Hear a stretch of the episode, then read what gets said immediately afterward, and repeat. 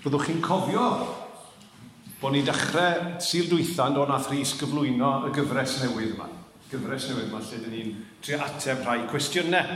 Um, a mi gosod ni gyflwyniad gan, gan Rhys wythnos dwythau ac, ac eich atgoffa chi eto os oes gynnwch chi gwestiynau, neu fel yr Rhys yn annog ni, os ydym ni'n siarad efo pobl am y gynnyn nhw gwestiynau maen nhw'n teimlo sydd ddim yn cael ei ateb, yna Sgwennwch nhw ar gerdyn neu anfonwch nhw i rhys, mae'r cardiau yn y cefn, mae'r blwch i roi yr atebion arnyn nhw yn y cefn.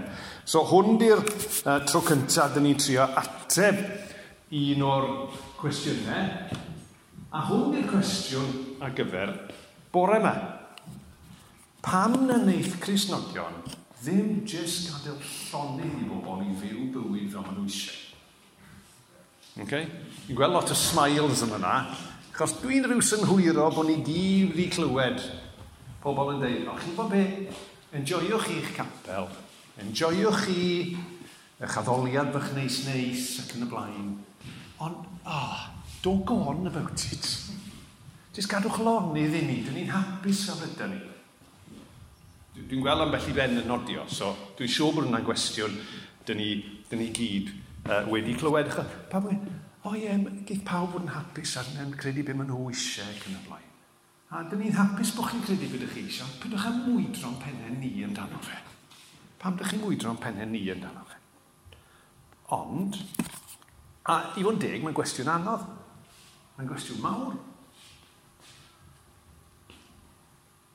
Ond dyn ni wrth lansio'r gyfres yma wedi deud bod ni'n credu bod pob ateb, neu o leia dechrau pob ateb, i gael yn y Beibl.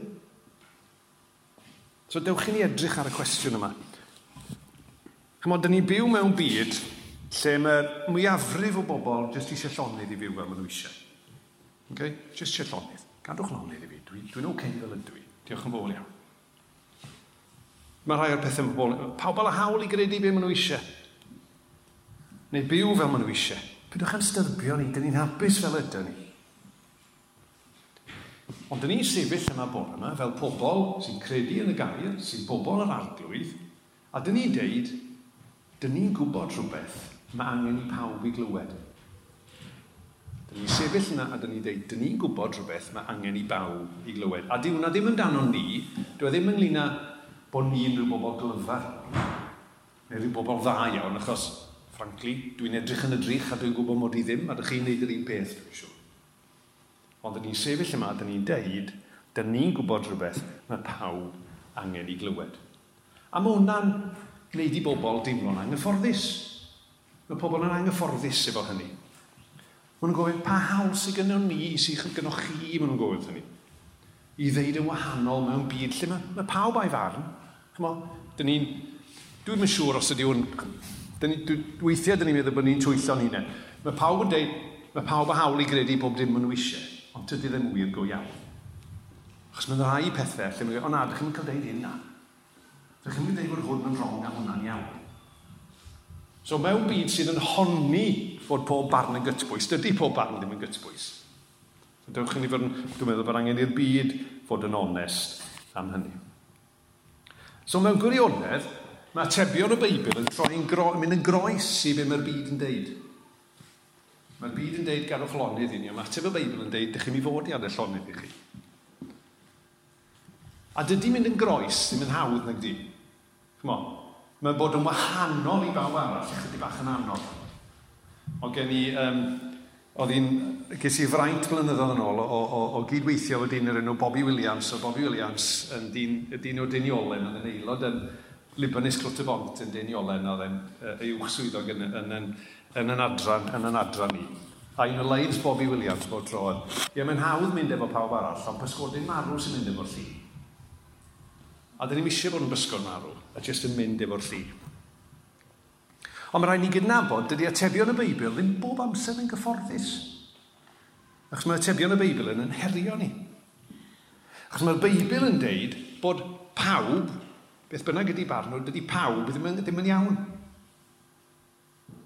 mae'r Beibl yn deud bod y fath beth a pethau sydd yn wir a pethau sydd ddim yn wir. Mae yna wirionedd a mae'n anwiredd. Mae be mae'r arglwydd yn ei wneud ddweud yn iawn ac mae'r cwbl mae e'n gwneud yn gywir. Dyna be mae'r Beibl yn dweud. Ac os di'r cwbl mae e'n dweud yn gywir a be mae'r byd yn dweud yn groes ddefa, dyna mae be mae'r byd yn dweud yn, yn anghywir. A beth arall rhaid ni gofio amdano yw, Mae gynno ni, a dwi'n siarad o brofiad dwfn personol yn hyn, okay? mae gynno ni gyd y capacity i dwyllo'n hunain i feddwl bod rhywbeth yn iawn. Okay? Un o'r little insight, okay, bywyd teuluol, okay? Mae'n cringio nawr, okay? Ond gofynnwch o'ch lawr i wedyn ni, a bob yn un a hyn yn y tŷ ni, dyn ni'n dadle, occasionally, okay? Not very often, okay? Dyn ni, dyn ni dadle okay, occasionally. Ond bob yn un a hyn yn y tŷ, dyn ni'n dadle yn rhywbeth. A wyth gwaith allan o ddeg yn y dadleuon yna, mae Lowry mynd yn frustrated. Achos mae'n dweud, oh, oh, ti'n ti, ti gallu dadle unrhyw beth yn dweud. Ti'n gallu deud bod unrhyw beth yn iawn. Ti'n gallu, ti gallu twistio eiriau a perswadio fi bod beth ti eisiau gwneud yn iawn. A mae'n iawn mae gynnon ni gyd y capacity na o berswadio pobl eraill ac i berswadio'n hunain bod beth ni eisiau wneud ar y bwynt yna mewn amser yn hollol, hollol iawn. Falle bod yna rhywbeth lle ti'n bod yn hunanol. Na, dwi ddim yn hunanol, really, achos be dwi'n neud ydy hyn a hyn a hyn. O, ti eisiau dy ffordd y hun? Na, dwi ddim eisiau ffordd y hun, achos be dwi'n really neud ydy meddwl am the great good. A chi'n gwybod, dyn ni gyd i wneud e. Eh? Dyn ni gyd wedi gwneud a deud a meddwl pethau sydd ddim yn iawn, ond yn yn meddyliau bach yn hunain, dyn ni'n dweud, o ie, ond mae'n iawn go iawn, achos mae sort o fel hyn a mae sort o fel yna, a dyn ni'n twyllo'n hunain i feddwl bod beth yn ni eisiau yn iawn. A mae'r Beibl yn deud yna. Mae'r Beibl yn deud bod gynnon ni'r capacity i dwyllo pobl eraill ac i dwyllo'n hunain. Llyf Jeremiah yn deud, Oes rhywun yn deall y galon dynol, Mae'n fwy tw llodrus na dim a does dim gwella arni. A dyn ni'n gallu gweld e. Weithiau dyn ni'n cael yr moment of insight yna, dyn ni'n gweld e yn o'n i'n hunain, ond dyn ni'n gweld e'n hawdd iawn mewn pobl eraill, yn dydyn? Mae'n hawdd gweld e mewn pobl eraill. Ond weithiau, dyn ni'n cael yr cyfnodau yna pan dyn ni'n gweld e yn o'n i'n hunain. Ac os dwi'n onest, dwi'n gweld e yn o fi fy hun, a dwi'n siŵr fydd y bobl eraill yn stafell yn ydy cytuno uh, bod hwnna'n wir amdanau. Ond mae'r atebion i gael yn y Beibl. So pam ydyn ni ddim yn gadael llonydd i bobl? Pam ydyn ni ddim jyst yn dweud, ie, newn ni enjoio'n oddoliad ni fan hyn, a newn ni ddim sôn wrth neb, a newn ni ddim styfio neb. So pam ydyn ni ddim yn gadael llonydd i bobl? Wel, yr ateb cyntaf achos bod Iesu'n deithio ni yn beidio. Mae Iesu yn deud, ewch i wneud pobl o bob gwlad y disgyblion i mi a'i bedyddio nhw fel arwydd ei bod nhw wedi dod i berthynas a'r tad a'r mab a'r ysbryd lan. Mae Iesu Grist yn deud wrthon ni, mi ddylech chi fod yn deud wrth bobl amdanau. Ac felly, mae yna fater o'i fuddod yma yna. Mae Iesu yn deud, fe ddyliau ni fod yn deud wrth bobl eraill am Iesu Grist. Full stop. Mae'r llythyrau wedyn yn sôn. Llythyr peder, un o'r adnod hyfryd. Byddwch yn barod bob amser i roi ateb bwy, bwy bynnag sy'n gofyn i chi esbonio beth ydy'r gobaith sydd gynnwch chi. Yr anogaeth yna, pan mae rhywun yn troi at ni gweud, a dweud, sut ydych chi'n gallu copio fo'r peth ar peth? Neu, o le ydych chi'n cael y nerth i wneud hyn a llall? Bod ni fodlon deud i roi reswm i bobl am y gobaith sydd yno ni. Ateb arall, ateb am hoblogaidd arall, pam dyn ni'n deud wrth bobl ynglyn â Iesu Grist, yw bod y ganlyniadau i wrthod dilyn Iesu Grist. Mae Iesu, pan mae'n sôn am ddefaid y geifr yn deud, wedyn byddan nhw'n mynd i ffwrdd i gael eu cosbi'n dragwyddo, ond bydd y rhai wnaeth y peth iawn yn cael bywyd tragwyddo. Mae Iesu Grist yn deud, dydy'r penderfyniad yma o wrando arno fe neu beidio, does dim dwi'n yma benderfyniad sydd â dim consequences iddo fe. Mae'n golygu rhywbeth. Os ti rhywun yn gwrthod Iesu yn y byd yma, maen nhw'n gwrthod Iesu yn y byd sydd, yn yr hyn sydd i ddod. Os ti rhywun eisiau bod ar wahân i ddiw yn y byd yma, maen nhw ar wahân i ddiw yn y byd sydd yn dod. So mae'r reina i gyd yn ateb, ond bore yna, dwi jyst am gymryd un cam pellach yn ôl i ofyn cwestiwn pam falle, chydig bach yn ddyfnach, A gobeithio uh, bydd e, bydd e rhywfaint o, o, o, o help i ymateb i'r cwestiwn. Ac i wneud hynny, dwi'n mynd i droi nôl i llyfr Genesis. Nawr, digwydd bod, oedd, oedd Rhys yn llyfr Genesis, yn doedd bore di syl dwytha, just, Neu, does yna math beth ac i digwyddiad, ond does yna'n cynllun yma nyn bod e wedi deud Genesis a bod fi'n mynd i Genesis. Ond dewch ni wrando ar y geiriau yma. Reit nôl, i ni ddeall y cwestiwn pam dyn ni angen deud wrth bobl. Ac i ni fynd reit nôl i'r dechrau. Yna dywedodd Dyw, gadewch i ni wneud pobl yn ddelw ohono ni'n hunain, i fod yn debyg i ni, i fod yn feistri sy'n gofalu am bopeth, y pysgod yn y môr, yr adarn yr awyr, yr anifeiliaid, y ddeiar gyfan a'r holl greaduriaid a, a phryfed sy'n byw arni. Felly dyma Dyw yn creu pobl ar ei ddelw ei hun. Yn ddelw ohono'i hun y creodd nhw. Creodd nhw yn wryw ac yn fenyw A dyma Dyw yn ei bendithio nhw a dweud wrthyn nhw, dwi eisiau i chi gael plant, fel bod mwy a mwy ohonoch chi. Llanwch y ddeia a defnyddiwch ei photensial hi a bod yn feistir i ofalu am y pysgod sydd yn môr a'r adar sy'n hedfan yn yr awyr a'r holl greaduriaid sy'n byw ar y ddeiar. Dywedodd Dyw, edrychwch, dwi wedi rhoi'r planigion sydd â hadau a'r ffrwythau a'r coed i gyd i fod yn fwyd i chi, a dwi wedi rhoi'r holl blanhigion yn fwyd i'r bywyd gwyllt, a'r adar a'r holl creaduriau bach arall, eraill sydd ar y ddeiar, i e pob un creadur byw, a dyna ddigwyddodd, edrychodd diw ar bopeth roedd wedi'i wneud, a gweld fod y cwbl yn dda iawn. Ac roedd nos a dydd ar y chweched diwrnod. A'r ateb i'r cwestiwn pam dyn ni'n deud wrth bobl am Iesu, pam dyn ni'n deud wrth bobl am yr arglwydd, pam dyn ni'n deud wrth bobl am ddiw, mae'n mynd yn ôl reit i'r dechrau. Mae'n mynd yn ôl i'r ffaith fod Dyw wedi'n creu ni ar ei ddelw ei hun. Mae Dyw wedi'n creu ni ar ei ddelw ei hun.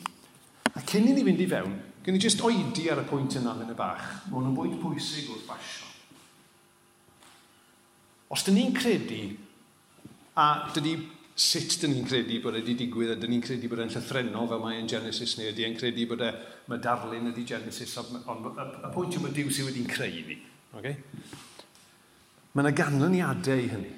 Os dyn ni'n credu bod pob un, pob person wedi ei greu ar ddelw ddiw ei hun, mae pob person yn bwysig. A dych chi bod dych chi'n edrych yn y byd yma, a dych chi'n chi gweld Chwad, sex trafficking, y ffordd dyn ni'n trin refugees, yn ddechrau'n lli, dyn ni'n gwneud rhyn, pethau yna, i bobl sydd ar lun a delw diw. Oedwch am hynny am funud cyn i ni fynd ymlaen, chi'n gwybod?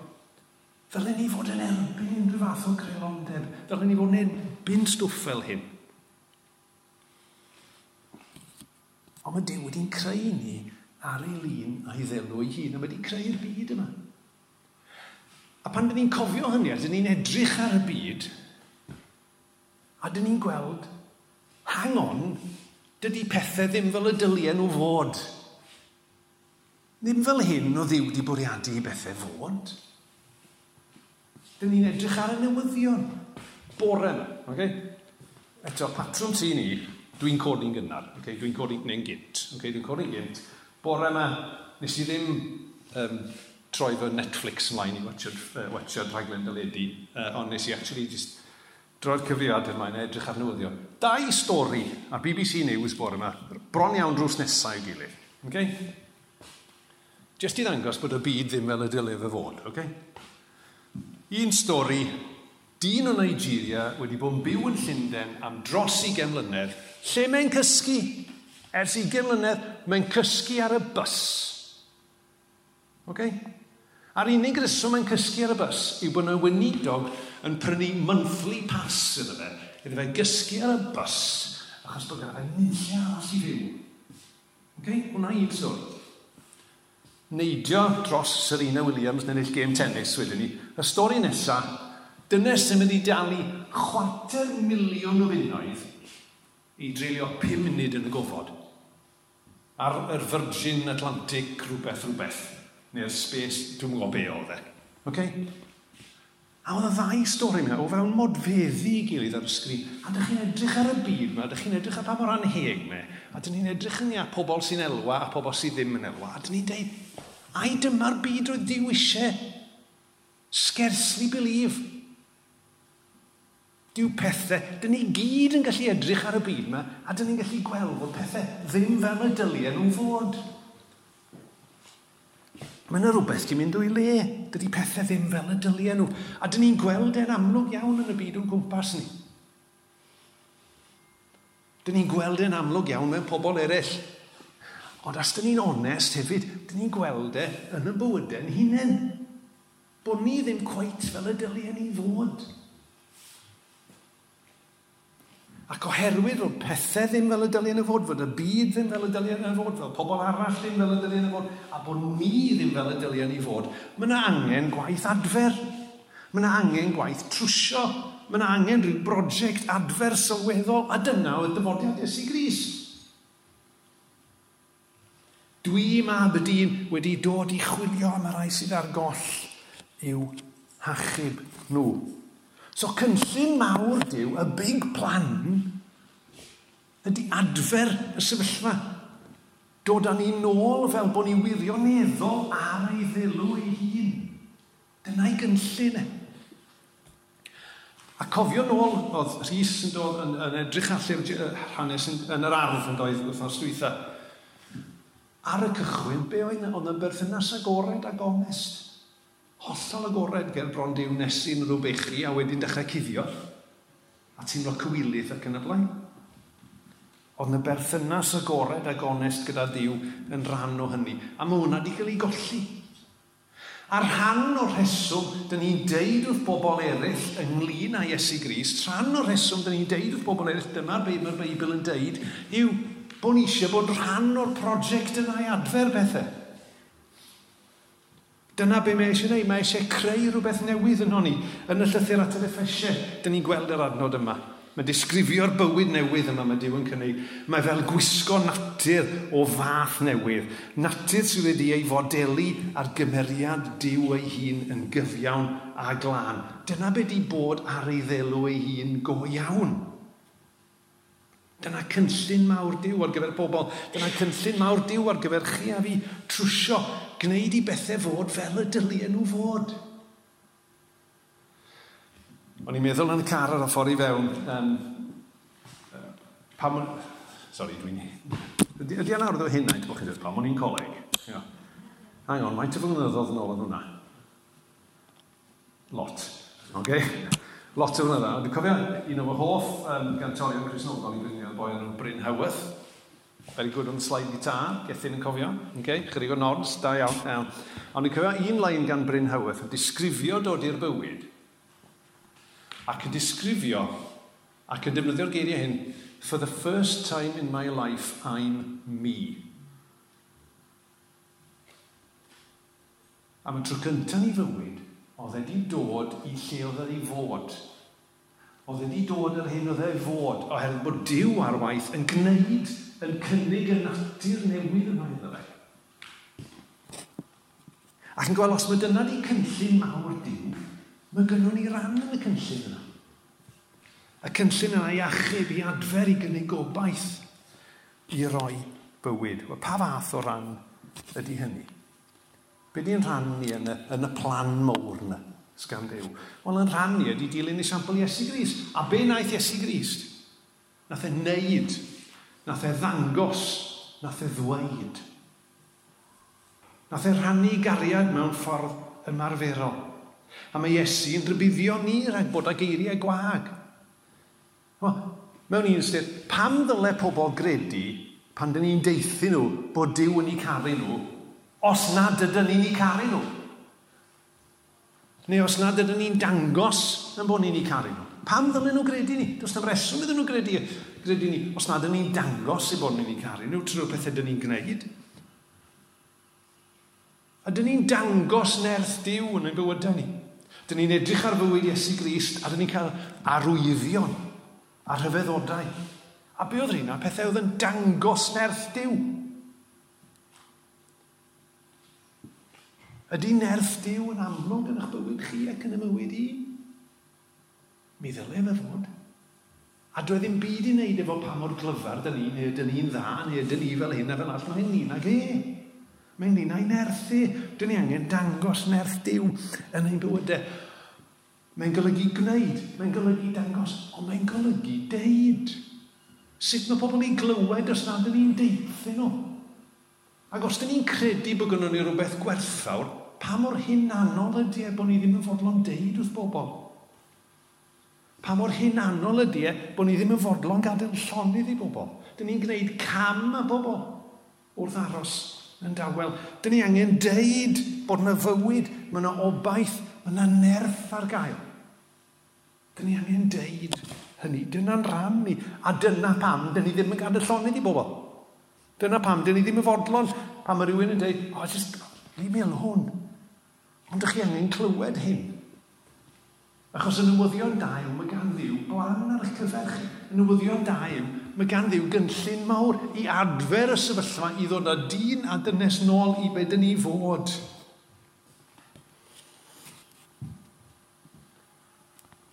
A felly mae'n golygu, hang on, hwnna rhywbeth ychwanegol, mae'n golygu hyd yn oed i bobl sy'n meddwl bod nhw'n iawn, hyd yn oed i bobl sy'n meddwl, dwi ffain, byddwch y poeni dan i, maen nhw angen clywed hefyd.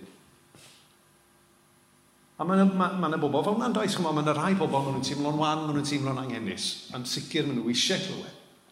Ond mae yna bobl hefyd sydd yn rhyw hun anfodlon. Dyn nhw'n angen gwybod mwy, ond dyn nhw angen deithio nhw hefyd. Achos mae bywyd tragwyddol, bywyd yn ei holl gyflawnder, bywyd fel y dyliau fe fod ar gael i bawb. So, pam na newn ni adellonydd i bobl? Mae lot o resymau. Da ni wedi edrych ar rai o'n nhw. Ond y prif beth dwi eisiau bwysleisio bore yma, da ni ddim yn gadael llonydd i bobl achos nath Iesu ddim gadael llonydd i bobl. Nath e ddim edrych yn o'n i o'r nefoedd a meddwl, mae'r bobl ma'n stryglo, mae'r bobl ma mewn trafferth, mae'r bobl ma methu delio efo bywyd, mae'r bobl ma medru delio efo pechod. Ond na i ddim styrbio nhw. Nath e'n deud yn ni na.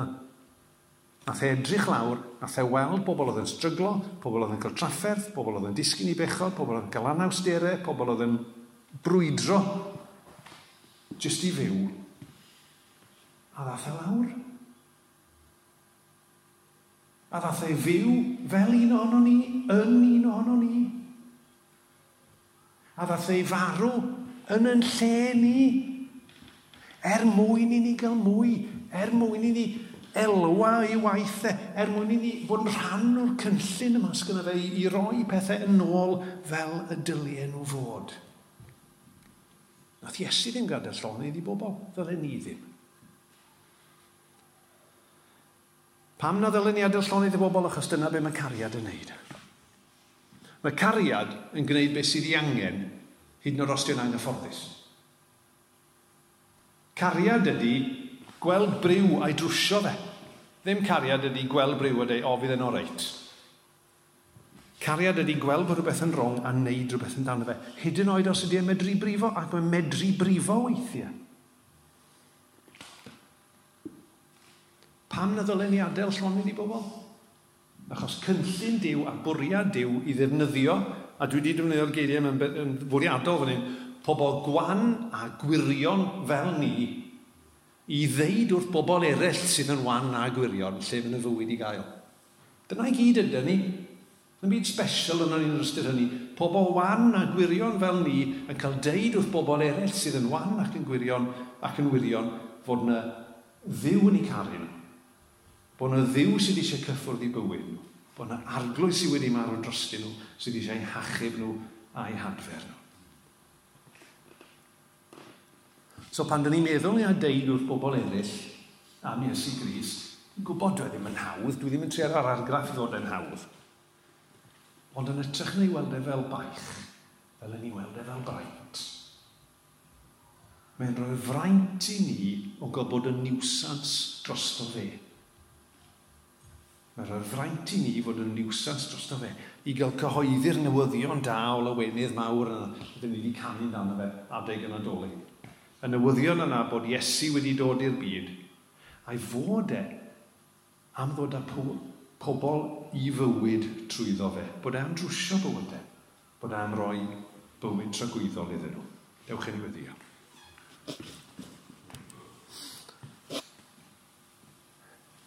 O ddiwyn tad, yn ni'n Ni'n diolch i ti am dy galon di.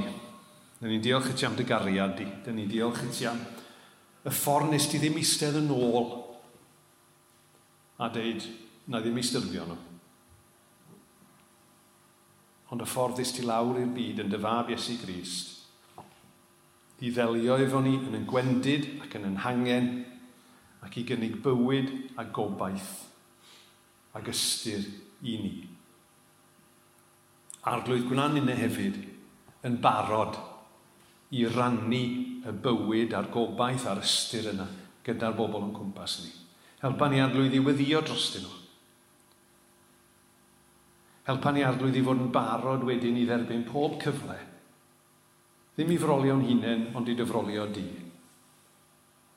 Ddim i roi'r argraff bod ni fel un neu fel arall, ond i sôn amdana ti. Ac i ddeud wrth bobl am y bywyd a'r gobaith yr ystyr rwy ti'n cynnig. Diolch i ti, Arglwydd. Diolch i ti am dymynedd di gyda ni. Diolch i ti am dy gariad di. Derbyn ni nawr, yn unw Iesu. Amen.